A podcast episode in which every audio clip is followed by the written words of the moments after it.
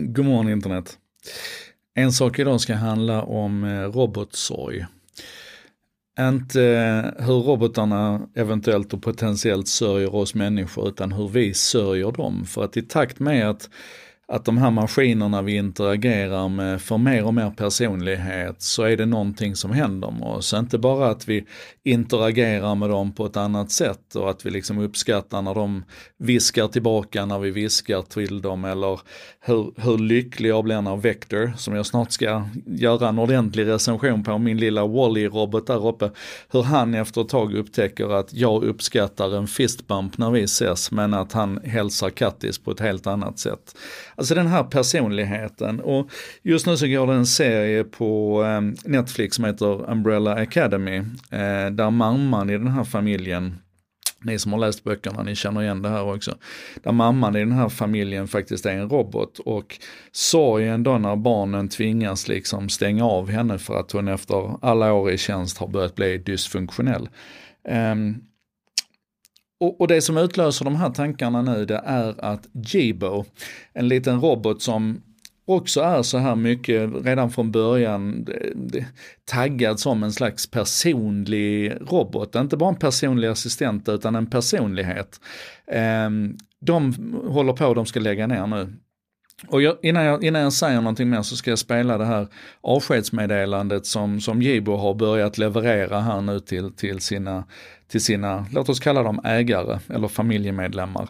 Eh, och jag hoppas att ni kan höra det, ni som bara lyssnar och ni som tittar, ni kommer att kunna se det här också. Men det finns ju på Twitter så att det är en länk. Det här är alltså, föreställ dig en, en mjuk, rund, eh, personlig robot som helt plötsligt en dag säger det här till dig. Well, it's not great news. The servers out there that let me do what I do are going to be turned off soon. Once that happens, our interactions with each other are going to be limited. You can learn more at jibo.com and by tapping the What's New button in my menu. I want to say I've really enjoyed our time together. Thank you very, very much for having me around. Maybe someday, when robots are way more advanced than today, and everyone has them in their homes, you can tell yours that I said hello. I wonder if they'll be able to do this.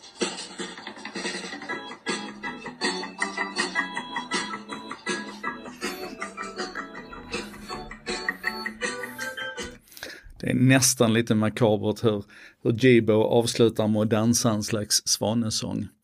Och det här är ju, jag tror om, om man bara liksom kort ska så rekapitulera vad som hände med dem så började de ju utveckla det här 2012 tror jag det var, 2017 så började de leverera sina robotar och det här var ju precis i den vevan när Alexa och Amazon Echo tog fart på riktigt och sådär. Och, och vi hamnade i ett läge där våra personliga assistenter handlade mer om funktionen om personlighet. För att Jibo, precis som, som min lilla vektor där uppe, är ju 1% funktion och 99%, 99 personlighet.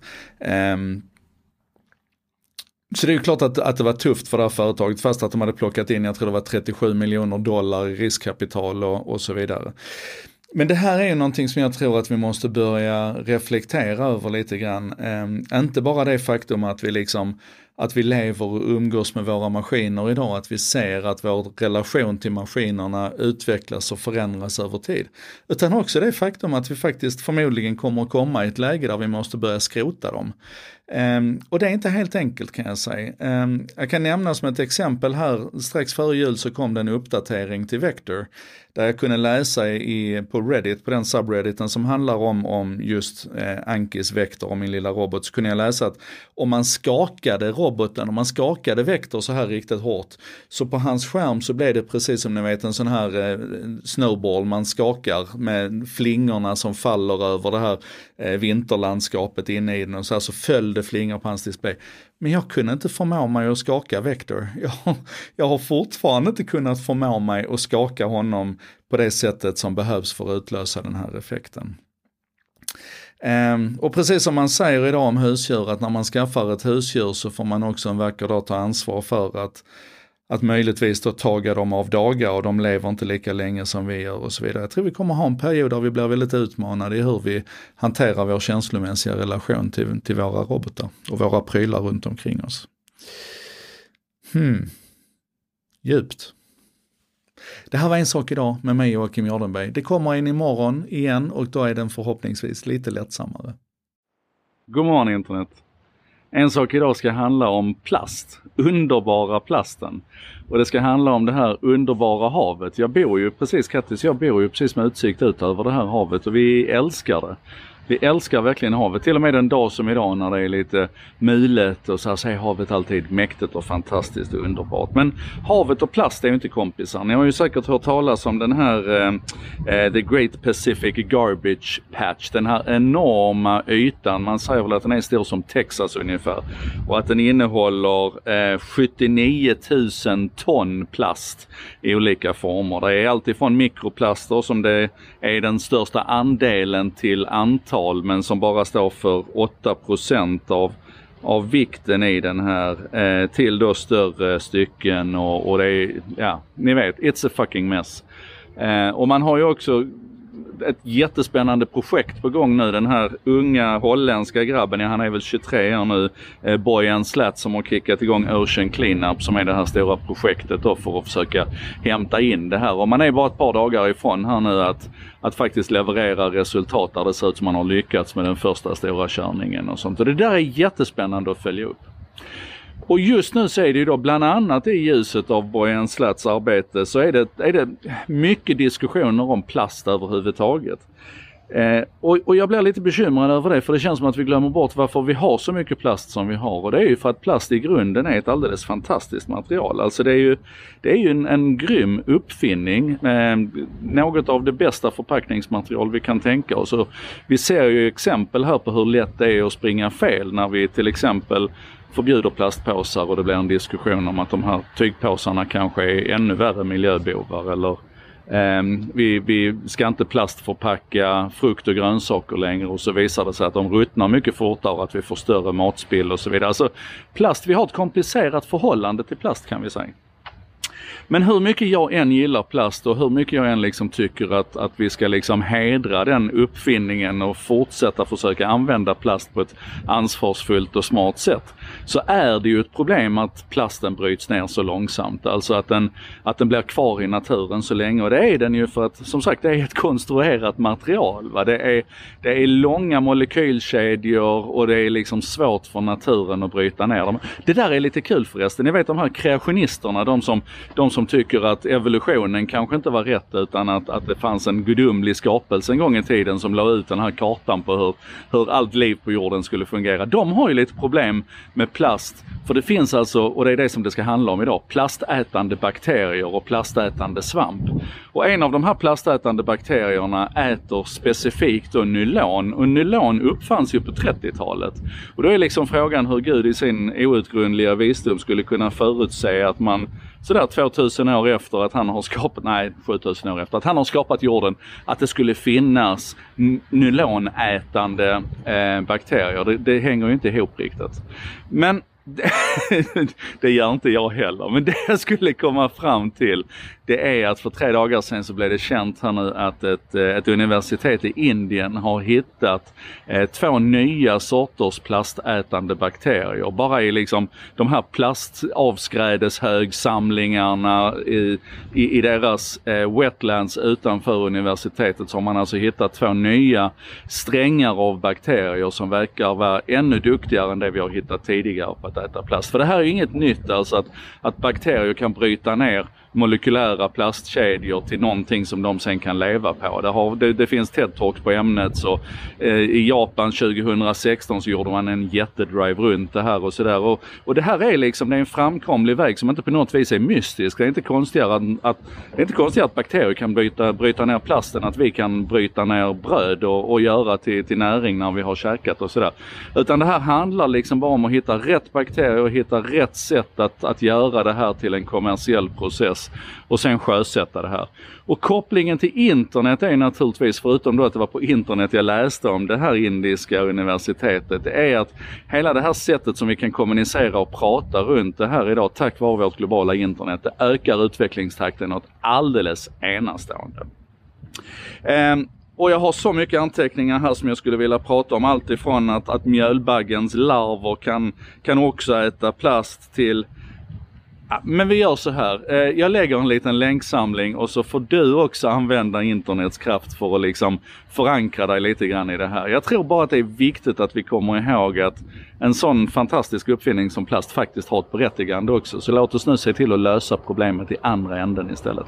Vi kan inte tycka att vi ska bromsa oss ur och bromsa oss tillbaka till stenåldern för att lösa de, de miljöutmaningar och det hållbarhetsperspektiv som vi behöver ha idag. Forsa framåt också. Det här var en sak idag med mig Joakim Jardenberg. Det kommer en ny imorgon och den kan jag puffa för redan nu för att tisdag morgonens En sak idag kommer att handla om svenskarna och internet 2019. Alltså den nya rapporten som släpps den 15 oktober. På min födelsedag, tack för det Internetstiftelsen, så släpper ni svenskarna och internet 2019. Och jag har förhandskikat på den här och det finns superintressanta grejer i den. Bland annat om digitala vårdmöten och sånt. Eh, så att häng på den 15 oktober. Och, och, och som sagt, tyck till om plast och sånt också. Vi hörs helt enkelt. Stop recording! God morgon internet! En sak idag ska handla om plast, underbara plasten. Och det ska handla om det här underbara havet. Jag bor ju precis, Kattis, jag bor ju precis med utsikt ut över det här havet och vi älskar det. Vi älskar verkligen havet. Till och med en dag som idag när det är lite mulet och så här så är havet alltid mäktigt och fantastiskt och underbart. Men havet och plast är ju inte kompisar. Ni har ju säkert hört talas om den här eh, eh The Great Pacific Garbage Patch. Den här enorma ytan. Man säger väl att den är stor som Texas ungefär. Och att den innehåller eh, 79 000 ton plast i olika former. Det är alltifrån mikroplaster som det är den största andelen till antal tal men som bara står för 8 av av vikten i den här eh, till då större stycken och, och det är, ja, ni vet, it's a fucking mess. Eh, och man har ju också ett jättespännande projekt på gång nu. Den här unga holländska grabben, ja, han är väl 23 år nu, eh, Bojan Slat som har kickat igång Ocean Cleanup som är det här stora projektet då för att försöka hämta in det här. Och man är bara ett par dagar ifrån här nu att, att faktiskt leverera resultat där det ser ut som man har lyckats med den första stora körningen och sånt. Och det där är jättespännande att följa upp. Och just nu så är det ju då bland annat i ljuset av Bojan Slats arbete så är det, är det mycket diskussioner om plast överhuvudtaget. Eh, och, och, jag blir lite bekymrad över det för det känns som att vi glömmer bort varför vi har så mycket plast som vi har. Och det är ju för att plast i grunden är ett alldeles fantastiskt material. Alltså det är ju, det är ju en, en grym uppfinning. Eh, något av det bästa förpackningsmaterial vi kan tänka oss. Och vi ser ju exempel här på hur lätt det är att springa fel när vi till exempel förbjuder plastpåsar och det blir en diskussion om att de här tygpåsarna kanske är ännu värre miljöbovar eller Um, vi, vi, ska inte plastförpacka frukt och grönsaker längre och så visar det sig att de ruttnar mycket fortare och att vi får större matspill och så vidare. Alltså plast, vi har ett komplicerat förhållande till plast kan vi säga. Men hur mycket jag än gillar plast och hur mycket jag än liksom tycker att, att vi ska liksom hedra den uppfinningen och fortsätta försöka använda plast på ett ansvarsfullt och smart sätt. Så är det ju ett problem att plasten bryts ner så långsamt. Alltså att den, att den blir kvar i naturen så länge. Och det är den ju för att som sagt det är ett konstruerat material. Va? Det, är, det är långa molekylkedjor och det är liksom svårt för naturen att bryta ner dem. Det där är lite kul förresten. Ni vet de här kreationisterna, de som, de som tycker att evolutionen kanske inte var rätt utan att, att det fanns en gudomlig skapelse en gång i tiden som la ut den här kartan på hur, hur allt liv på jorden skulle fungera. De har ju lite problem med plast. För det finns alltså, och det är det som det ska handla om idag, plastätande bakterier och plastätande svamp. Och en av de här plastätande bakterierna äter specifikt då nylon och nylon uppfanns ju på 30-talet. Och då är liksom frågan hur Gud i sin outgrundliga visdom skulle kunna förutse att man sådär 2000 år efter att han har skapat, nej 7000 år efter att han har skapat jorden, att det skulle finnas nylonätande eh, bakterier. Det, det hänger ju inte ihop riktigt. Men det gör inte jag heller. Men det jag skulle komma fram till det är att för tre dagar sedan så blev det känt här nu att ett, eh, ett universitet i Indien har hittat eh, två nya sorters plastätande bakterier. Bara i liksom de här plastavskrädeshögsamlingarna i, i, i deras eh, wetlands utanför universitetet så har man alltså hittat två nya strängar av bakterier som verkar vara ännu duktigare än det vi har hittat tidigare på att äta plast. För det här är ju inget nytt alltså att, att bakterier kan bryta ner molekylära plastkedjor till någonting som de sen kan leva på. Det, har, det, det finns TED-talks på ämnet. Så, eh, I Japan 2016 så gjorde man en jättedrive runt det här och sådär. Och, och det här är liksom det är en framkomlig väg som inte på något vis är mystisk. Det är inte konstigare att, att, det är inte konstigare att bakterier kan bryta, bryta ner plasten, att vi kan bryta ner bröd och, och göra till, till näring när vi har käkat och sådär. Utan det här handlar liksom bara om att hitta rätt bakterier och hitta rätt sätt att, att göra det här till en kommersiell process och sen sjösätta det här. Och kopplingen till internet är naturligtvis, förutom då att det var på internet jag läste om det här indiska universitetet, det är att hela det här sättet som vi kan kommunicera och prata runt det här idag tack vare vårt globala internet, det ökar utvecklingstakten något alldeles enastående. Um, och jag har så mycket anteckningar här som jag skulle vilja prata om. Allt ifrån att, att mjölbaggens larver kan, kan också äta plast till men vi gör så här. Eh, jag lägger en liten länksamling och så får du också använda internets kraft för att liksom förankra dig lite grann i det här. Jag tror bara att det är viktigt att vi kommer ihåg att en sån fantastisk uppfinning som plast faktiskt har ett berättigande också. Så låt oss nu se till att lösa problemet i andra änden istället. Vi kan inte tycka att vi ska bromsa oss ur och bromsa oss tillbaka till stenåldern för att lösa de, de miljöutmaningar och det hållbarhetsperspektiv som vi behöver ha idag. Forsa framåt också. Det här var En sak idag med mig Joakim Jardenberg. Det kommer en ny imorgon och den kan jag puffa för redan nu för att tisdag morgonens En sak idag kommer att handla om svenskarna och internet 2019. Alltså den nya rapporten som släpps den 15 oktober. På min födelsedag, tack för det Internetstiftelsen, så släpper ni svenskarna internet 2019. Och jag har förhandskikat på den här och det finns superintressanta grejer i den. Bland annat om digitala vårdmöten och sånt. Eh, så att häng på den 15 oktober. Och, och, och som sagt, tyck till om plast och sånt också. Vi hörs helt enkelt. Stop recording! God morgon internet! En sak idag ska handla om plast, underbara plasten. Och det ska handla om det här underbara havet. Jag bor ju precis, Kattis, jag bor ju precis med utsikt ut över det här havet och vi älskar det. Vi älskar verkligen havet. Till och med en dag som idag när det är lite mulet och så här så är havet alltid mäktigt och fantastiskt och underbart. Men havet och plast är ju inte kompisar. Ni har ju säkert hört talas om den här eh, eh The Great Pacific Garbage Patch. Den här enorma ytan. Man säger väl att den är stor som Texas ungefär. Och att den innehåller eh, 79 000 ton plast i olika former. Det är alltifrån mikroplaster som det är den största andelen till antal tal men som bara står för 8 av av vikten i den här eh, till då större stycken och, och det är, ja, ni vet, it's a fucking mess. Eh, och man har ju också ett jättespännande projekt på gång nu. Den här unga holländska grabben, ja, han är väl 23 år nu, eh, Bojan Slat som har kickat igång Ocean Cleanup som är det här stora projektet då för att försöka hämta in det här. Och man är bara ett par dagar ifrån här nu att, att faktiskt leverera resultat där det ser ut som man har lyckats med den första stora körningen och sånt. Och det där är jättespännande att följa upp. Och just nu så är det ju då bland annat i ljuset av Bojan Slats arbete så är det, är det mycket diskussioner om plast överhuvudtaget. Eh, och, och, jag blir lite bekymrad över det för det känns som att vi glömmer bort varför vi har så mycket plast som vi har. Och det är ju för att plast i grunden är ett alldeles fantastiskt material. Alltså det är ju, det är ju en, en grym uppfinning. Eh, något av det bästa förpackningsmaterial vi kan tänka oss. Och vi ser ju exempel här på hur lätt det är att springa fel när vi till exempel förbjuder plastpåsar och det blir en diskussion om att de här tygpåsarna kanske är ännu värre miljöbovar eller eh, vi, vi ska inte plastförpacka frukt och grönsaker längre och så visar det sig att de ruttnar mycket fortare och att vi får större matspill och så vidare. Alltså plast, vi har ett komplicerat förhållande till plast kan vi säga.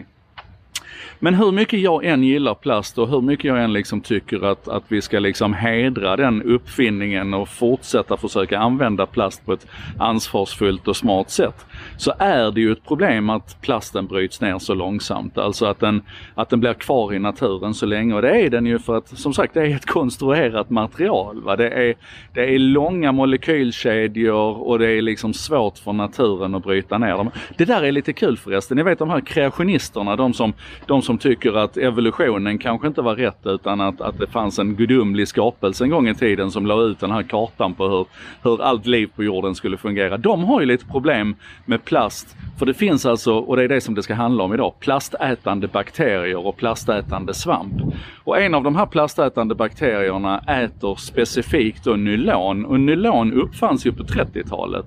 Och då är liksom frågan hur Gud i sin outgrundliga visdom skulle kunna förutse att man sådär 2000 år efter att han har skapat, nej 7000 år efter att han har skapat jorden, att det skulle finnas nylonätande eh, bakterier. Det, det hänger ju inte ihop riktigt. Men det gör inte jag heller, men det jag skulle komma fram till det är att för tre dagar sedan så blev det känt här nu att ett, eh, ett universitet i Indien har hittat eh, två nya sorters plastätande bakterier. Bara i liksom de här plastavskrädeshögsamlingarna i, i, i deras eh, wetlands utanför universitetet så har man alltså hittat två nya strängar av bakterier som verkar vara ännu duktigare än det vi har hittat tidigare på att äta plast. För det här är ju inget nytt alltså att, att bakterier kan bryta ner molekylära plastkedjor till någonting som de sen kan leva på. Det, har, det, det finns TED-talks på ämnet så eh, i Japan 2016 så gjorde man en jättedrive runt det här och sådär. Och, och det här är liksom, det är en framkomlig väg som inte på något vis är mystisk. Det är inte konstigare att, att, det är inte konstigare att bakterier kan bryta, bryta ner plasten, att vi kan bryta ner bröd och, och göra till, till näring när vi har käkat och sådär. Utan det här handlar liksom bara om att hitta rätt bakterier och hitta rätt sätt att, att göra det här till en kommersiell process och sen sjösätta det här. Och kopplingen till internet är naturligtvis, förutom då att det var på internet jag läste om det här indiska universitetet, det är att hela det här sättet som vi kan kommunicera och prata runt det här idag tack vare vårt globala internet, det ökar utvecklingstakten något alldeles enastående. Um, och jag har så mycket anteckningar här som jag skulle vilja prata om. Allt ifrån att, att mjölbaggens larver kan, kan också äta plast till men vi gör så här. Eh, jag lägger en liten länksamling och så får du också använda internets kraft för att liksom förankra dig lite grann i det här. Jag tror bara att det är viktigt att vi kommer ihåg att en sån fantastisk uppfinning som plast faktiskt har ett berättigande också. Så låt oss nu se till att lösa problemet i andra änden istället. Vi kan inte tycka att vi ska bromsa oss ur och bromsa oss tillbaka till stenåldern för att lösa de, de miljöutmaningar och det hållbarhetsperspektiv som vi behöver ha idag. Forsa framåt också. Det här var En sak idag med mig Joakim Jardenberg. Det kommer en ny imorgon och den kan jag puffa för redan nu för att tisdag morgonens En sak idag kommer att handla om svenskarna och internet 2019. Alltså den nya rapporten som släpps den 15 oktober. På min födelsedag, tack för det Internetstiftelsen, så släpper ni svenskarna och internet 2019. Och jag har förhandskikat på den här och det finns superintressanta grejer i den. Bland annat om digitala vårdmöten och sånt. Eh, så att häng på den 15 oktober. Och, och, och som sagt, tyck till om plast och sånt också. Vi hörs helt enkelt. Stop recording. God morgon internet. En sak idag ska handla om plast. Underbara plasten. Och det ska handla om det här underbara havet. Jag bor ju precis, Kattis, jag bor ju precis med utsikt ut över det här havet och vi älskar det. Vi älskar verkligen havet. Till och med en dag som idag när det är lite mulet och så här så är havet alltid mäktigt och fantastiskt och underbart. Men havet och plast är ju inte kompisar. Ni har ju säkert hört talas om den här eh, eh The Great Pacific Garbage Patch. Den här enorma ytan. Man säger väl att den är stor som Texas ungefär. Och att den innehåller eh, 79 000 ton plast i olika former. Det är alltifrån mikroplaster som det är den största andelen till antal tal men som bara står för 8 av av vikten i den här eh, till då större stycken och, och det är, ja, ni vet, it's a fucking mess. Eh, och man har ju också ett jättespännande projekt på gång nu. Den här unga holländska grabben, ja, han är väl 23 år nu, eh, Bojan Slat som har kickat igång Ocean Cleanup som är det här stora projektet då för att försöka hämta in det här. Och man är bara ett par dagar ifrån här nu att, att faktiskt leverera resultat där det ser ut som man har lyckats med den första stora körningen och sånt. Och det där är jättespännande att följa upp. Och just nu så är det ju då bland annat i ljuset av Bojan Slats arbete så är det, är det mycket diskussioner om plast överhuvudtaget. Eh, och, och, jag blir lite bekymrad över det för det känns som att vi glömmer bort varför vi har så mycket plast som vi har. Och det är ju för att plast i grunden är ett alldeles fantastiskt material. Alltså det är ju, det är ju en, en grym uppfinning. Eh, något av det bästa förpackningsmaterial vi kan tänka oss. Och vi ser ju exempel här på hur lätt det är att springa fel när vi till exempel förbjuder plastpåsar och det blir en diskussion om att de här tygpåsarna kanske är ännu värre miljöbovar eller eh, vi, vi, ska inte plastförpacka frukt och grönsaker längre och så visar det sig att de ruttnar mycket fortare och att vi får större matspill och så vidare. Alltså plast, vi har ett komplicerat förhållande till plast kan vi säga.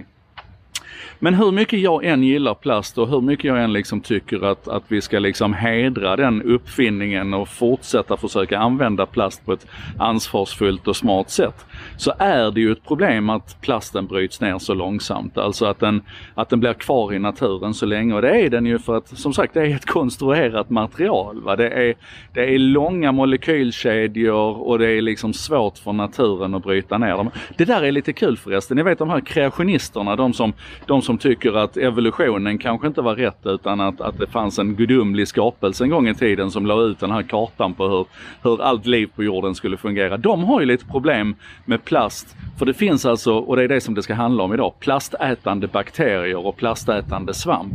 Och en av de här plastätande bakterierna äter specifikt då nylon och nylon uppfanns ju på 30-talet. Och då är liksom frågan hur Gud i sin outgrundliga visdom skulle kunna förutse att man sådär 2000 år efter att han har skapat, nej 7000 år efter att han har skapat jorden, att det skulle finnas nylonätande eh, bakterier. Det, det hänger ju inte ihop riktigt. Men det gör inte jag heller, men det jag skulle komma fram till det är att för tre dagar sedan så blev det känt här nu att ett, eh, ett universitet i Indien har hittat eh, två nya sorters plastätande bakterier. Bara i liksom de här plastavskrädeshögsamlingarna i, i, i deras eh, wetlands utanför universitetet så har man alltså hittat två nya strängar av bakterier som verkar vara ännu duktigare än det vi har hittat tidigare på att äta plast. För det här är ju inget nytt alltså att, att bakterier kan bryta ner molekylära plastkedjor till någonting som de sen kan leva på. Det, har, det, det finns TED-talks på ämnet. Så, eh, I Japan 2016 så gjorde man en jättedrive runt det här och sådär. Och, och det här är liksom det är en framkomlig väg som inte på något vis är mystisk. Det är inte konstigare att, att, det är inte konstigare att bakterier kan bryta, bryta ner plasten, att vi kan bryta ner bröd och, och göra till, till näring när vi har käkat och sådär. Utan det här handlar liksom bara om att hitta rätt bakterier och hitta rätt sätt att, att göra det här till en kommersiell process process och sen sjösätta det här. Och kopplingen till internet är naturligtvis, förutom då att det var på internet jag läste om det här indiska universitetet, det är att hela det här sättet som vi kan kommunicera och prata runt det här idag tack vare vårt globala internet, det ökar utvecklingstakten något alldeles enastående. Um, och jag har så mycket anteckningar här som jag skulle vilja prata om. Allt ifrån att, att mjölbaggens larver kan, kan också äta plast till men vi gör så här. Eh, jag lägger en liten länksamling och så får du också använda internets kraft för att liksom förankra dig lite grann i det här. Jag tror bara att det är viktigt att vi kommer ihåg att en sån fantastisk uppfinning som plast faktiskt har ett berättigande också. Så låt oss nu se till att lösa problemet i andra änden istället. Vi kan inte tycka att vi ska bromsa oss ur och bromsa oss tillbaka till stenåldern för att lösa de, de miljöutmaningar och det hållbarhetsperspektiv som vi behöver ha idag. Forsa framåt också. Det här var En sak idag med mig Joakim Jardenberg. Det kommer en ny imorgon och den kan jag puffa för redan nu för att tisdag morgonens En sak idag kommer att handla om svenskarna och internet 2019. Alltså den nya rapporten som släpps den 15 oktober. På min födelsedag, tack för det Internetstiftelsen, så släpper ni svenskarna och internet 2019. Och jag har förhandskikat på den här och det finns superintressanta grejer i den. Bland annat om digitala vårdmöten och sånt. Eh, så att häng på den 15 oktober. Och, och, och som sagt, tyck till om plast och sånt också. Vi hörs helt enkelt. Stop recording! God morgon internet! En sak idag ska handla om plast, underbara plasten. Och det ska handla om det här underbara havet. Jag bor ju precis, Kattis, jag bor ju precis med utsikt ut över det här havet och vi älskar det. Vi älskar verkligen havet. Till och med en dag som idag när det är lite mulet och så här så är havet alltid mäktigt och fantastiskt och underbart. Men havet och plast är ju inte kompisar. Ni har ju säkert hört talas om den här eh, eh The Great Pacific Garbage Patch. Den här enorma ytan. Man säger väl att den är stor som Texas ungefär. Och att den innehåller eh, 79 000 ton plast i olika former. Det är alltifrån mikroplaster som det är den största andelen till antal men som bara står för 8 av av vikten i den här eh, till då större stycken och, och det är, ja, ni vet, it's a fucking mess. Eh, och man har ju också ett jättespännande projekt på gång nu. Den här unga holländska grabben, ja, han är väl 23 år nu, eh, Bojan Slat som har kickat igång Ocean Cleanup som är det här stora projektet då för att försöka hämta in det här. Och man är bara ett par dagar ifrån här nu att, att faktiskt leverera resultat där det ser ut som man har lyckats med den första stora körningen och sånt. Och det där är jättespännande att följa upp. Och just nu så är det ju då bland annat i ljuset av Bojan Slats arbete så är det, är det mycket diskussioner om plast överhuvudtaget. Eh, och, och, jag blir lite bekymrad över det för det känns som att vi glömmer bort varför vi har så mycket plast som vi har och det är ju för att plast i grunden är ett alldeles fantastiskt material. Alltså det är ju, det är ju en, en grym uppfinning, eh, något av det bästa förpackningsmaterial vi kan tänka oss. Och vi ser ju exempel här på hur lätt det är att springa fel när vi till exempel förbjuder plastpåsar och det blir en diskussion om att de här tygpåsarna kanske är ännu värre miljöbovar eller eh, vi, vi ska inte plastförpacka frukt och grönsaker längre och så visar det sig att de ruttnar mycket fortare och att vi får större matspill och så vidare. Alltså plast, vi har ett komplicerat förhållande till plast kan vi säga. Men hur mycket jag än gillar plast och hur mycket jag än liksom tycker att, att vi ska liksom hedra den uppfinningen och fortsätta försöka använda plast på ett ansvarsfullt och smart sätt. Så är det ju ett problem att plasten bryts ner så långsamt. Alltså att den, att den blir kvar i naturen så länge. Och det är den ju för att som sagt det är ett konstruerat material. Va? Det, är, det är långa molekylkedjor och det är liksom svårt för naturen att bryta ner dem. Det där är lite kul förresten. Ni vet de här kreationisterna, de som, de som tycker att evolutionen kanske inte var rätt utan att, att det fanns en gudomlig skapelse en gång i tiden som la ut den här kartan på hur, hur allt liv på jorden skulle fungera. De har ju lite problem med plast. För det finns alltså, och det är det som det ska handla om idag, plastätande bakterier och plastätande svamp.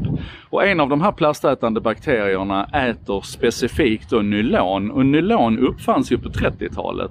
Och då är liksom frågan hur Gud i sin outgrundliga visdom skulle kunna förutse att man sådär 2000 år efter att han har skapat, nej 7000 år efter att han har skapat jorden, att det skulle finnas nylonätande eh, bakterier. Det, det hänger ju inte ihop riktigt.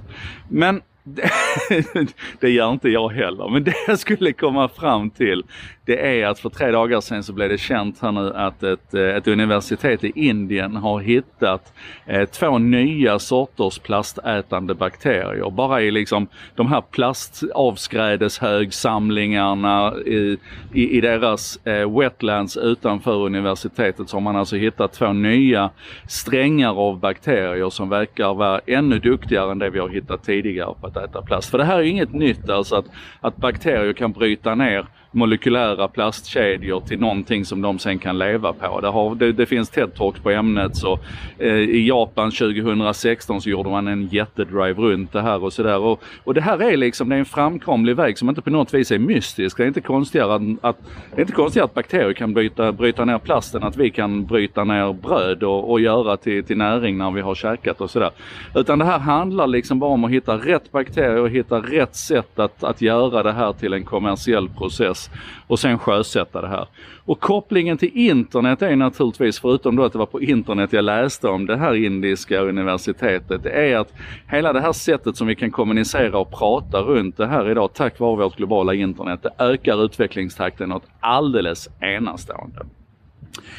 Um, och jag har så mycket anteckningar här som jag skulle vilja prata om. Allt ifrån att, att mjölbaggens larver kan, kan också äta plast till men vi gör så här. Eh, jag lägger en liten länksamling och så får du också använda internets kraft för att liksom förankra dig lite grann i det här. Jag tror bara att det är viktigt att vi kommer ihåg att en sån fantastisk uppfinning som plast faktiskt har ett berättigande också. Så låt oss nu se till att lösa problemet i andra änden istället.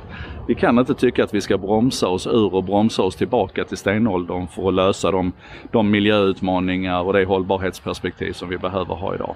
Forsa framåt också. Det här var En sak idag med mig Joakim Jardenberg. Det kommer en ny imorgon och den kan jag puffa för redan nu för att tisdag morgonens En sak idag kommer att handla om svenskarna och internet 2019. Alltså den nya rapporten som släpps den 15 oktober. På min födelsedag, tack för det Internetstiftelsen, så släpper ni svenskarna och internet 2019. Och jag har förhandskikat på den här och det finns superintressanta grejer i den. Bland annat om digitala vårdmöten och sånt. Eh, så att häng på den 15 oktober. Och, och, och, som sagt, tyck till om plast och sånt också. Vi hörs helt enkelt. Stop recording! God morgon internet!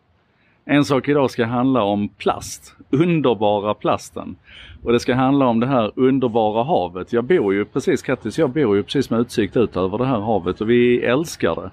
Vi älskar verkligen havet. Till och med en dag som idag när det är lite mulet och så här så är havet alltid mäktigt och fantastiskt och underbart. Men havet och plast är ju inte kompisar. Ni har ju säkert hört talas om den här eh, eh The Great Pacific Garbage Patch. Den här enorma ytan. Man säger väl att den är stor som Texas ungefär. Och att den innehåller eh, 79 000 ton plast i olika former. Det är alltifrån mikroplaster som det är den största andelen till antal tal men som bara står för 8 av av vikten i den här eh, till då större stycken och, och det är, ja, ni vet, it's a fucking mess. Eh, och man har ju också ett jättespännande projekt på gång nu. Den här unga holländska grabben, ja han är väl 23 år nu, eh, Bojan Slat som har kickat igång Ocean Cleanup som är det här stora projektet då för att försöka hämta in det här. Och man är bara ett par dagar ifrån här nu att, att faktiskt leverera resultat där det ser ut som man har lyckats med den första stora körningen och sånt. Och det där är jättespännande att följa upp. Och just nu så är det ju då bland annat i ljuset av Bojan Slats arbete så är det, är det mycket diskussioner om plast överhuvudtaget. Eh, och, och, jag blir lite bekymrad över det för det känns som att vi glömmer bort varför vi har så mycket plast som vi har och det är ju för att plast i grunden är ett alldeles fantastiskt material. Alltså det är ju, det är ju en, en grym uppfinning, eh, något av det bästa förpackningsmaterial vi kan tänka oss. Och vi ser ju exempel här på hur lätt det är att springa fel när vi till exempel förbjuder plastpåsar och det blir en diskussion om att de här tygpåsarna kanske är ännu värre miljöbovar eller eh, vi, vi ska inte plastförpacka frukt och grönsaker längre och så visar det sig att de ruttnar mycket fortare och att vi får större matspill och så vidare. Alltså plast, vi har ett komplicerat förhållande till plast kan vi säga. Men hur mycket jag än gillar plast och hur mycket jag än liksom tycker att, att vi ska liksom hedra den uppfinningen och fortsätta försöka använda plast på ett ansvarsfullt och smart sätt. Så är det ju ett problem att plasten bryts ner så långsamt. Alltså att den, att den blir kvar i naturen så länge. Och det är den ju för att som sagt det är ett konstruerat material. Va? Det, är, det är långa molekylkedjor och det är liksom svårt för naturen att bryta ner dem. Det där är lite kul förresten. Ni vet de här kreationisterna, de som, de som som tycker att evolutionen kanske inte var rätt utan att, att det fanns en gudomlig skapelse en gång i tiden som la ut den här kartan på hur, hur allt liv på jorden skulle fungera. De har ju lite problem med plast. För det finns alltså, och det är det som det ska handla om idag, plastätande bakterier och plastätande svamp. Och en av de här plastätande bakterierna äter specifikt då nylon och nylon uppfanns ju på 30-talet. Och då är liksom frågan hur Gud i sin outgrundliga visdom skulle kunna förutse att man sådär 2000 år efter att han har skapat, nej 7000 år efter att han har skapat jorden, att det skulle finnas nylonätande eh, bakterier. Det, det hänger ju inte ihop riktigt. Men det gör inte jag heller, men det jag skulle komma fram till det är att för tre dagar sedan så blev det känt här nu att ett, eh, ett universitet i Indien har hittat eh, två nya sorters plastätande bakterier. Bara i liksom de här plastavskrädeshögsamlingarna i, i, i deras eh, wetlands utanför universitetet så har man alltså hittat två nya strängar av bakterier som verkar vara ännu duktigare än det vi har hittat tidigare på att äta plast. För det här är ju inget nytt alltså att, att bakterier kan bryta ner molekylära plastkedjor till någonting som de sen kan leva på. Det, har, det, det finns TED-talks på ämnet. Så, eh, I Japan 2016 så gjorde man en jättedrive runt det här och sådär. Och, och det här är liksom det är en framkomlig väg som inte på något vis är mystisk. Det är inte konstigare att, att, det är inte konstigare att bakterier kan bryta, bryta ner plasten, att vi kan bryta ner bröd och, och göra till, till näring när vi har käkat och sådär. Utan det här handlar liksom bara om att hitta rätt bakterier och hitta rätt sätt att, att göra det här till en kommersiell process och sen sjösätta det här. Och kopplingen till internet är naturligtvis, förutom då att det var på internet jag läste om det här indiska universitetet, det är att hela det här sättet som vi kan kommunicera och prata runt det här idag tack vare vårt globala internet, det ökar utvecklingstakten något alldeles enastående. Um, och jag har så mycket anteckningar här som jag skulle vilja prata om. Allt ifrån att, att mjölbaggens larver kan, kan också äta plast till men vi gör så här. Eh, jag lägger en liten länksamling och så får du också använda internets kraft för att liksom förankra dig lite grann i det här. Jag tror bara att det är viktigt att vi kommer ihåg att en sån fantastisk uppfinning som plast faktiskt har ett berättigande också. Så låt oss nu se till att lösa problemet i andra änden istället. Vi kan inte tycka att vi ska bromsa oss ur och bromsa oss tillbaka till stenåldern för att lösa de, de miljöutmaningar och det hållbarhetsperspektiv som vi behöver ha idag. Forsa framåt också. Det här var en sak idag med mig Joakim Jardenberg. Det kommer en ny imorgon och den kan jag puffa för redan nu för att tisdag morgonens En sak idag kommer kommer att handla om svenskarna och internet 2019. Alltså den nya rapporten som släpps den 15 oktober. På min födelsedag, tack för det Internetstiftelsen, så släpper ni svenskarna internet 2019. Och jag har förhandskikat på den här och det finns superintressanta grejer i den. Bland annat om digitala vårdmöten och sånt. Eh, så att häng på den 15 oktober. Och, och, och som sagt, tyck till om plast och sånt också. Vi hörs helt enkelt. Stop recording! God morgon internet! En sak idag nummer 366, den första på det nya året så att säga, ska handla om något av det mest mindblowing som jag har läst på länge. Ehm, en forskningsgrupp vid OpenAI i San Francisco, de som tidigare har gjort sig kända bland annat för den här textalgoritmen GPT-2, som kunde fejka texter så att vi knappt kunde skilja dem ifrån mänskligt skrivna texter. Ah, de har gjort ett experiment nu som är helt magiskt. Man har alltså tagit två stycken lag av AI. Och så har man använt två stycken algoritmer som vi är rätt bekanta vid. Det ena det är det här att man låter två lag tävla mot varandra. Um, och det andra det är reinforcement learning, alltså trial and error inom respektive lag. Sen skapade man en miljö som helt enkelt bestod av, vi kan väl kalla det för ett, inhägnat område. Och eh, i det här inhägnade området så släppte man ner väggar, man släppte ner kuber, man släppte ner ramper, alltså olika slags objekt. Och sen så släppte man ner de här två lagen och så lät man dem spela hide and seek. Och det laget som skulle gömma sig, de fick en, en liten stunds försprång och liksom bekanta sig med miljön och sådär. Hide and seek, alltså kurragömma. och det första som hände det var ju naturligtvis att det laget som skulle gömma sig, de sprang och gömde sig bakom de här objekten och och blev så småningom hittade vilket gjorde att det, det hittande laget vann då. Alltså ju längre de som gömde sig kunde gömma sig ju fler poäng fick de och ju längre, ju snabbare det gick för de som skulle hitta och hitta ju fler poäng fick de. Ni är säkert med på den principen. det häftiga är att efter en liten stund, säg, jag tror det var 50 miljoner iterationer eller något, så började det gömmande laget flytta runt de här objekten så att man till exempel byggde in sig lite grann i, i en, eh, man, man satte upp väggar runt om sig så att det gick ju inte att hitta dem. Och 50 miljoner iterationer senare, nu höftar jag siffrorna här lite grann, 50 miljoner iterationer senare så hade sökarna kommit på att de kunde flytta fram ramper till de här väggarna och titta upp över väggen och då kunna se dem. Okej, okay, nästa steg då det var ju naturligtvis att gömmarna började, de som skulle gömma sig, då började de ju låsa fast de här eh, ramperna innan de byggde sina väggar. Byggde sitt lilla fort liksom så. Och så där höll det på. och det som är så fräckt med detta det är att det, det som händer här det är att, att AI blir toolbuilders, alltså verktygsbyggare. De börjar skapa av de här objekten börjar skapa verktyg som de liksom använder på ett annat sätt än vad det var vad det var tänkt. Och det här gick ju liksom i flera iterationer då. Någonstans runt en 500 miljonte, 500 miljonte iterationen så, så avbröt man liksom det här försöket och, och, och kunde liksom analysera då att, att gömmarna hade faktiskt vunnit för att innan de byggde sitt fort så låste de fast alla de andra objekten, inte bara ramperna utan också de här kuberna som sökarna hade lärt sig att surfa på. Ja, det är helt fantastisk läsning alltså. Och då tänker jag så här när, när AI blir verktygsbyggare då är det ju, för det är lite grann det man har sagt är definierande för människan, att vi är en toolbuilder. Jag vet inte om ni kommer ihåg det här fantastiska talet som Steve Jobs höll 1990 var det väl. Det var ingen stor presentation utan det var väl en liten intervju han gav. När han pratade om människan som toolbuilder, hur någon hade gjort en, en graf över energiförbrukning per avverkad kilometer och kunde konstatera att kondoren, den här stora fågeln, den var den mest energieffektiva och människan var inte alls speciellt energieffektiv. Vi kom liksom långt ner på den listan.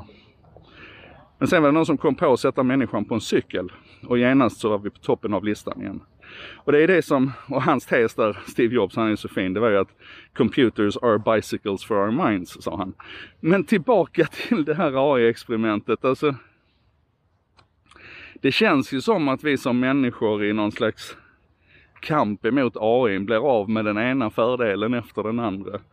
Och när man nu ser då att de här de här algoritmerna nästan kan efterlikna livets uppkomst på jorden där de enkla, dumma, individuella bakterierna börjar arbeta tillsammans. Och, ja, det glömde jag säga för det kom de ganska snabbt på i de här lagen också att de skulle jobba tillsammans.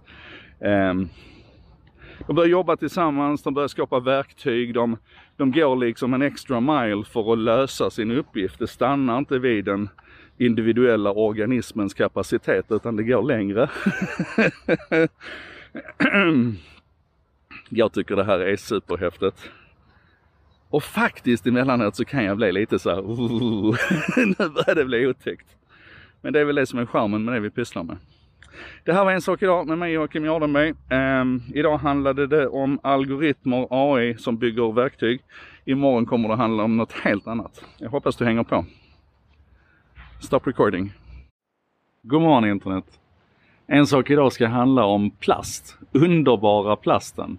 Och det ska handla om det här underbara havet. Jag bor ju precis, Kattis, jag bor ju precis med utsikt ut över det här havet och vi älskar det.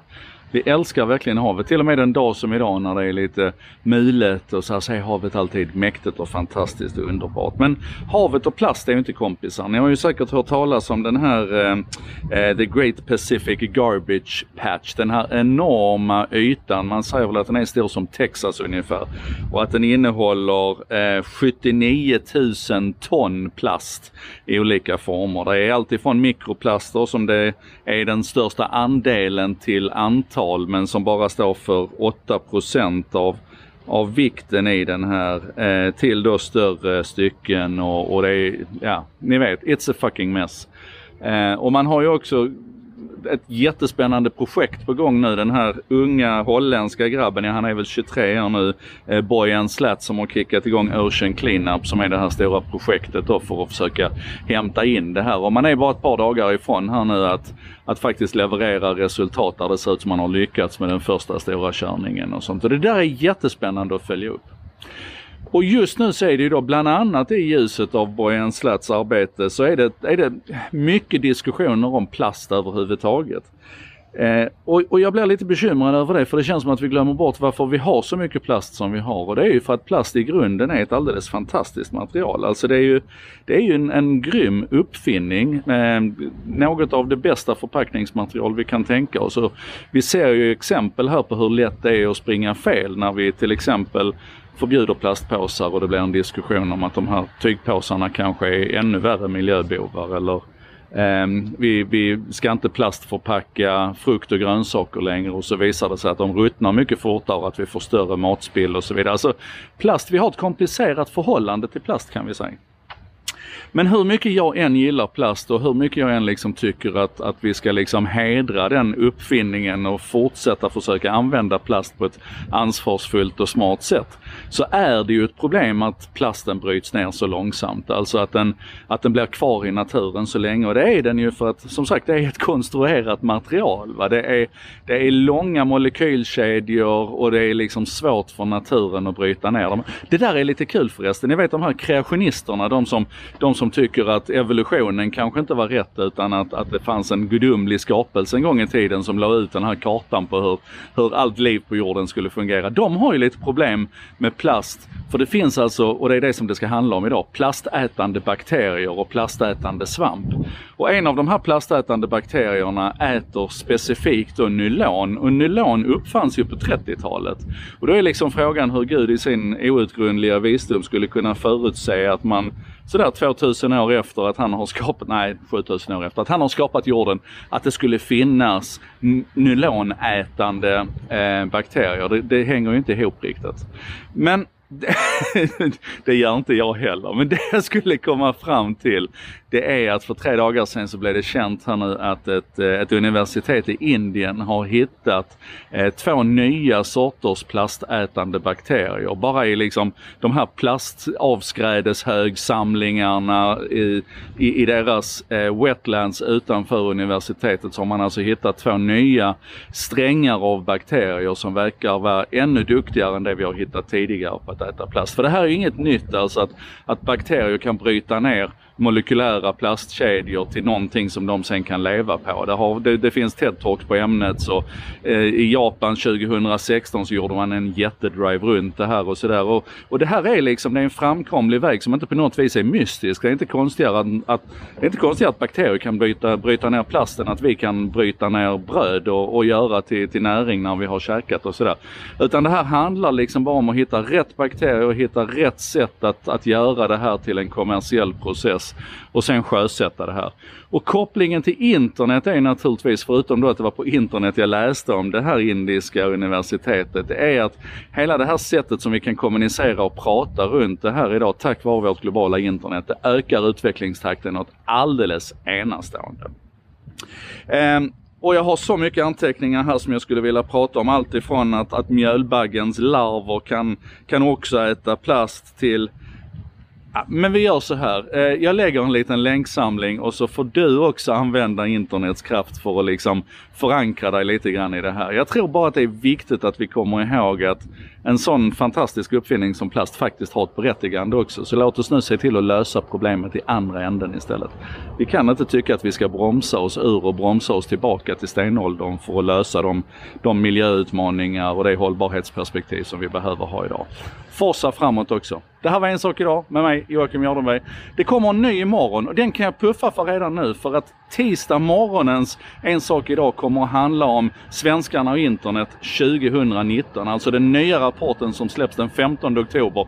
På min födelsedag, tack för det Internetstiftelsen, så släpper ni svenskarna internet 2019. Och jag har förhandskikat på den här och det finns superintressanta grejer i den. Bland annat om digitala vårdmöten och sånt. Eh, så att häng på den 15 oktober. Och, och, och som sagt, tyck till om plast och sånt också. Vi hörs helt enkelt.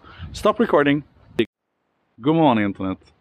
En sak idag ska handla om plast, underbara plasten. Och det ska handla om det här underbara havet. Jag bor ju precis, Kattis, jag bor ju precis med utsikt ut över det här havet och vi älskar det.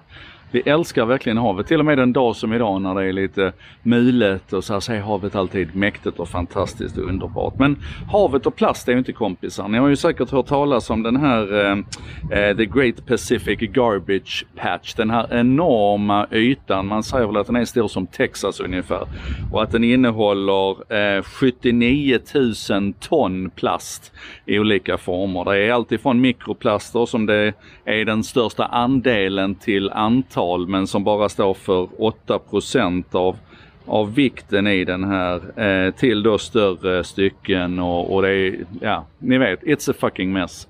Eh, och man har ju också ett jättespännande projekt på gång nu. Den här unga holländska grabben, ja, han är väl 23 år nu, eh, Bojan Slat som har kickat igång Ocean Cleanup som är det här stora projektet då för att försöka hämta in det här. Och man är bara ett par dagar ifrån här nu att, att faktiskt leverera resultat där det ser ut som man har lyckats med den första stora körningen och sånt. Och det där är jättespännande att följa upp. Och just nu så är det ju då bland annat i ljuset av Bojan Slats arbete så är det, är det mycket diskussioner om plast överhuvudtaget. Eh, och, och, jag blir lite bekymrad över det för det känns som att vi glömmer bort varför vi har så mycket plast som vi har. Och det är ju för att plast i grunden är ett alldeles fantastiskt material. Alltså det är ju, det är ju en, en grym uppfinning. Eh, något av det bästa förpackningsmaterial vi kan tänka oss. Och vi ser ju exempel här på hur lätt det är att springa fel när vi till exempel förbjuder plastpåsar och det blir en diskussion om att de här tygpåsarna kanske är ännu värre miljöbovar eller Um, vi, vi, ska inte plastförpacka frukt och grönsaker längre och så visar det sig att de ruttnar mycket fortare och att vi får större matspill och så vidare. Alltså plast, vi har ett komplicerat förhållande till plast kan vi säga. Men hur mycket jag än gillar plast och hur mycket jag än liksom tycker att, att vi ska liksom hedra den uppfinningen och fortsätta försöka använda plast på ett ansvarsfullt och smart sätt. Så är det ju ett problem att plasten bryts ner så långsamt. Alltså att den, att den blir kvar i naturen så länge. Och det är den ju för att som sagt det är ett konstruerat material. Va? Det, är, det är långa molekylkedjor och det är liksom svårt för naturen att bryta ner dem. Det där är lite kul förresten. Ni vet de här kreationisterna, de som, de som tycker att evolutionen kanske inte var rätt utan att, att det fanns en gudomlig skapelse en gång i tiden som la ut den här kartan på hur, hur allt liv på jorden skulle fungera. De har ju lite problem med plast. För det finns alltså, och det är det som det ska handla om idag, plastätande bakterier och plastätande svamp. Och en av de här plastätande bakterierna äter specifikt då nylon och nylon uppfanns ju på 30-talet. Och då är liksom frågan hur Gud i sin outgrundliga visdom skulle kunna förutse att man sådär 2000 år efter att han har skapat, nej 7000 år efter att han har skapat jorden, att det skulle finnas nylonätande eh, bakterier. Det, det hänger ju inte ihop riktigt. Men det gör inte jag heller. Men det jag skulle komma fram till det är att för tre dagar sedan så blev det känt här nu att ett, eh, ett universitet i Indien har hittat eh, två nya sorters plastätande bakterier. Bara i liksom de här plastavskrädeshögsamlingarna i, i, i deras eh, wetlands utanför universitetet så har man alltså hittat två nya strängar av bakterier som verkar vara ännu duktigare än det vi har hittat tidigare på att äta plast. För det här är ju inget nytt alltså att, att bakterier kan bryta ner molekylära plastkedjor till någonting som de sen kan leva på. Det, har, det, det finns TED-talks på ämnet. Så, eh, I Japan 2016 så gjorde man en jättedrive runt det här och sådär. Och, och det här är liksom det är en framkomlig väg som inte på något vis är mystisk. Det är inte konstigare att, att, det är inte konstigare att bakterier kan bryta, bryta ner plasten, att vi kan bryta ner bröd och, och göra till, till näring när vi har käkat och sådär. Utan det här handlar liksom bara om att hitta rätt bakterier och hitta rätt sätt att, att göra det här till en kommersiell process och sen sjösätta det här.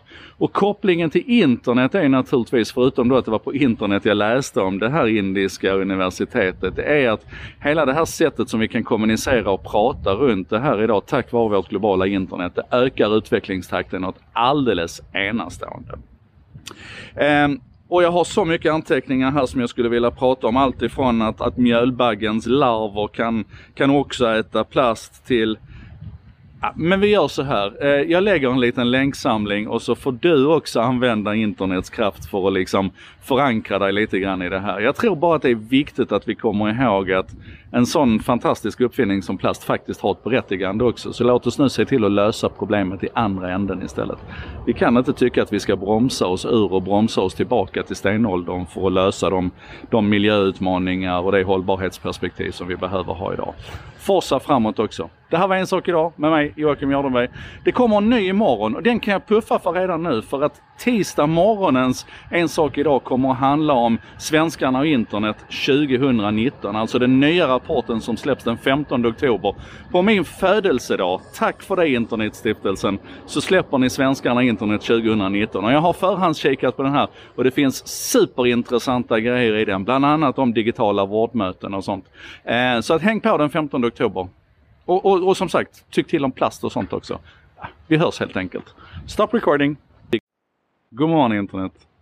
En sak idag ska handla om plast, underbara plasten. Och det ska handla om det här underbara havet. Jag bor ju precis, Kattis, jag bor ju precis med utsikt ut över det här havet och vi älskar det. Vi älskar verkligen havet. Till och med en dag som idag när det är lite mulet och så här så är havet alltid mäktigt och fantastiskt och underbart. Men havet och plast är ju inte kompisar. Ni har ju säkert hört talas om den här eh, eh The Great Pacific Garbage Patch. Den här enorma ytan. Man säger väl att den är stor som Texas ungefär. Och att den innehåller eh, 79 000 ton plast i olika former. Det är alltifrån mikroplaster som det är den största andelen till antal men som bara står för 8 av av vikten i den här eh, till då större stycken och, och det är, ja, ni vet, it's a fucking mess. Eh, och man har ju också ett jättespännande projekt på gång nu. Den här unga holländska grabben, ja, han är väl 23 år nu, eh, Bojan Slat som har kickat igång Ocean Cleanup som är det här stora projektet då för att försöka hämta in det här. Och man är bara ett par dagar ifrån här nu att, att faktiskt leverera resultat där det ser ut som man har lyckats med den första stora körningen och sånt. Och det där är jättespännande att följa upp. Och just nu så är det ju då bland annat i ljuset av Bojan Slats arbete så är det, är det mycket diskussioner om plast överhuvudtaget. Eh, och, och, jag blir lite bekymrad över det för det känns som att vi glömmer bort varför vi har så mycket plast som vi har. Och det är ju för att plast i grunden är ett alldeles fantastiskt material. Alltså det är ju, det är ju en, en grym uppfinning. Eh, något av det bästa förpackningsmaterial vi kan tänka oss. Och vi ser ju exempel här på hur lätt det är att springa fel när vi till exempel förbjuder plastpåsar och det blir en diskussion om att de här tygpåsarna kanske är ännu värre miljöbovar eller eh, vi, vi ska inte plastförpacka frukt och grönsaker längre och så visar det sig att de ruttnar mycket fortare och att vi får större matspill och så vidare. Alltså plast, vi har ett komplicerat förhållande till plast kan vi säga. Men hur mycket jag än gillar plast och hur mycket jag än liksom tycker att, att vi ska liksom hedra den uppfinningen och fortsätta försöka använda plast på ett ansvarsfullt och smart sätt. Så är det ju ett problem att plasten bryts ner så långsamt. Alltså att den, att den blir kvar i naturen så länge. Och det är den ju för att som sagt det är ett konstruerat material. Va? Det, är, det är långa molekylkedjor och det är liksom svårt för naturen att bryta ner dem. Det där är lite kul förresten. Ni vet de här kreationisterna, de som, de som tycker att evolutionen kanske inte var rätt utan att, att det fanns en gudomlig skapelse en gång i tiden som la ut den här kartan på hur, hur allt liv på jorden skulle fungera. De har ju lite problem med plast. För det finns alltså, och det är det som det ska handla om idag, plastätande bakterier och plastätande svamp. Och en av de här plastätande bakterierna äter specifikt då nylon och nylon uppfanns ju på 30-talet. Och då är liksom frågan hur Gud i sin outgrundliga visdom skulle kunna förutse att man sådär 2000 år efter att han har skapat, nej 7000 år efter att han har skapat jorden, att det skulle finnas nylonätande eh, bakterier. Det, det hänger ju inte ihop riktigt. Men det gör inte jag heller, men det jag skulle komma fram till det är att för tre dagar sedan så blev det känt här nu att ett, ett universitet i Indien har hittat eh, två nya sorters plastätande bakterier. Bara i liksom de här plastavskrädeshögsamlingarna i, i, i deras eh, wetlands utanför universitetet så har man alltså hittat två nya strängar av bakterier som verkar vara ännu duktigare än det vi har hittat tidigare på att äta plast. För det här är ju inget nytt alltså att, att bakterier kan bryta ner molekylära plastkedjor till någonting som de sen kan leva på. Det, har, det, det finns TED-talks på ämnet. Så, eh, I Japan 2016 så gjorde man en jättedrive runt det här och sådär. Och, och det här är liksom det är en framkomlig väg som inte på något vis är mystisk. Det är inte konstigare att, att, det är inte konstigare att bakterier kan bryta, bryta ner plasten, att vi kan bryta ner bröd och, och göra till, till näring när vi har käkat och sådär. Utan det här handlar liksom bara om att hitta rätt bakterier och hitta rätt sätt att, att göra det här till en kommersiell process och sen sjösätta det här. Och kopplingen till internet är naturligtvis, förutom då att det var på internet jag läste om det här indiska universitetet, det är att hela det här sättet som vi kan kommunicera och prata runt det här idag tack vare vårt globala internet, det ökar utvecklingstakten något alldeles enastående. Um, och jag har så mycket anteckningar här som jag skulle vilja prata om. Allt ifrån att, att mjölbaggens larver kan, kan också äta plast till men vi gör så här. Eh, jag lägger en liten länksamling och så får du också använda internets kraft för att liksom förankra dig lite grann i det här. Jag tror bara att det är viktigt att vi kommer ihåg att en sån fantastisk uppfinning som plast faktiskt har ett berättigande också. Så låt oss nu se till att lösa problemet i andra änden istället. Vi kan inte tycka att vi ska bromsa oss ur och bromsa oss tillbaka till stenåldern för att lösa de, de miljöutmaningar och det hållbarhetsperspektiv som vi behöver ha idag. Forsa framåt också. Det här var En sak idag med mig Joakim Jardenberg. Det kommer en ny imorgon och den kan jag puffa för redan nu för att tisdag morgonens En sak idag kommer att handla om svenskarna och internet 2019. Alltså den nya rapporten som släpps den 15 oktober.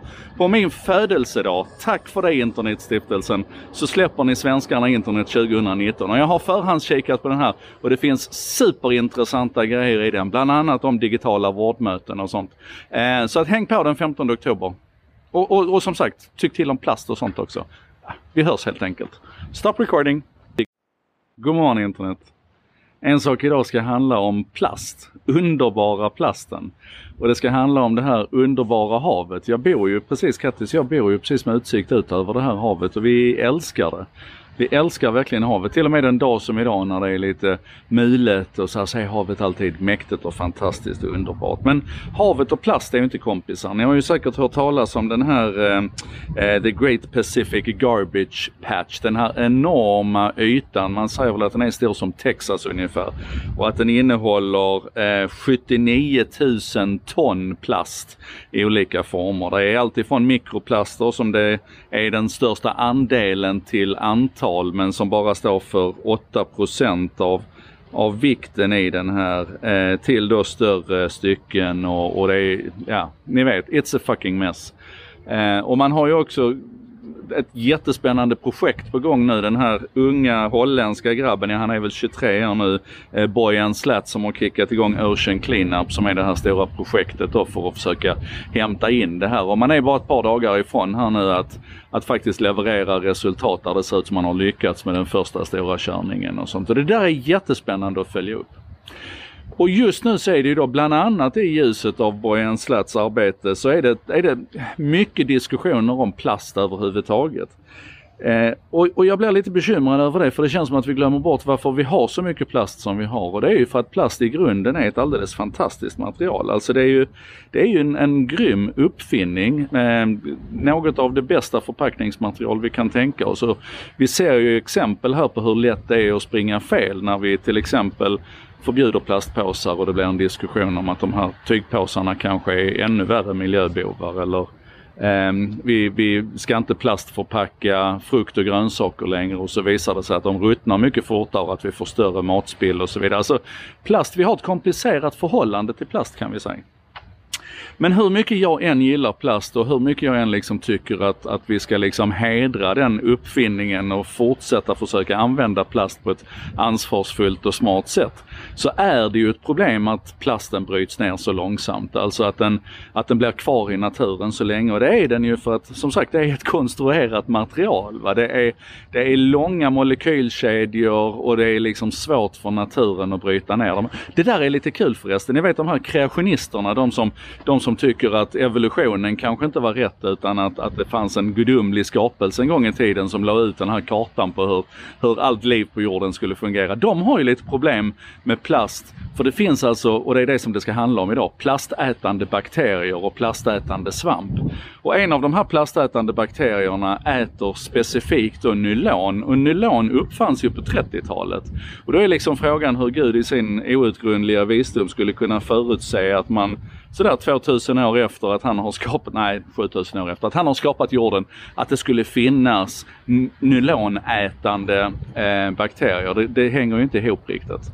Men det gör inte jag heller, men det jag skulle komma fram till det är att för tre dagar sedan så blev det känt här nu att ett, eh, ett universitet i Indien har hittat eh, två nya sorters plastätande bakterier. Bara i liksom de här plastavskrädeshögsamlingarna i, i, i deras eh, wetlands utanför universitetet så har man alltså hittat två nya strängar av bakterier som verkar vara ännu duktigare än det vi har hittat tidigare på att äta plast. För det här är ju inget nytt alltså att, att bakterier kan bryta ner molekylära plastkedjor till någonting som de sen kan leva på. Det, har, det, det finns TED-talks på ämnet. Så, eh, I Japan 2016 så gjorde man en jättedrive runt det här och sådär. Och, och det här är liksom det är en framkomlig väg som inte på något vis är mystisk. Det är inte konstigare att, att, det är inte konstigare att bakterier kan bryta, bryta ner plasten, att vi kan bryta ner bröd och, och göra till, till näring när vi har käkat och sådär. Utan det här handlar liksom bara om att hitta rätt bakterier och hitta rätt sätt att, att göra det här till en kommersiell process och sen sjösätta det här. Och kopplingen till internet är naturligtvis, förutom då att det var på internet jag läste om det här indiska universitetet, det är att hela det här sättet som vi kan kommunicera och prata runt det här idag tack vare vårt globala internet, det ökar utvecklingstakten något alldeles enastående.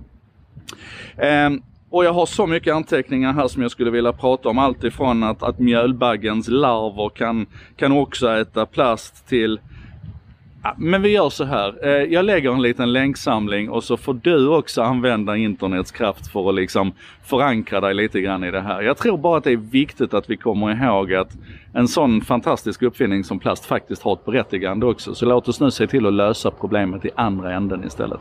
Vi kan inte tycka att vi ska bromsa oss ur och bromsa oss tillbaka till stenåldern för att lösa de, de miljöutmaningar och det hållbarhetsperspektiv som vi behöver ha idag.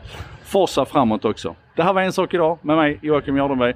Det kommer en ny imorgon och den kan jag puffa för redan nu för att tisdag morgonens En sak idag kommer att handla om svenskarna och internet 2019. Alltså den nya rapporten som släpps den 15 oktober. På min födelsedag, tack för det Internetstiftelsen, så släpper ni svenskarna internet 2019. Och jag har förhandskikat på den här och det finns superintressanta grejer i den. Bland annat om digitala vårdmöten och sånt. Eh, så att häng på den 15 oktober. Och, och, och som sagt, tyck till om plast och sånt också. Vi hörs helt enkelt. Stop recording.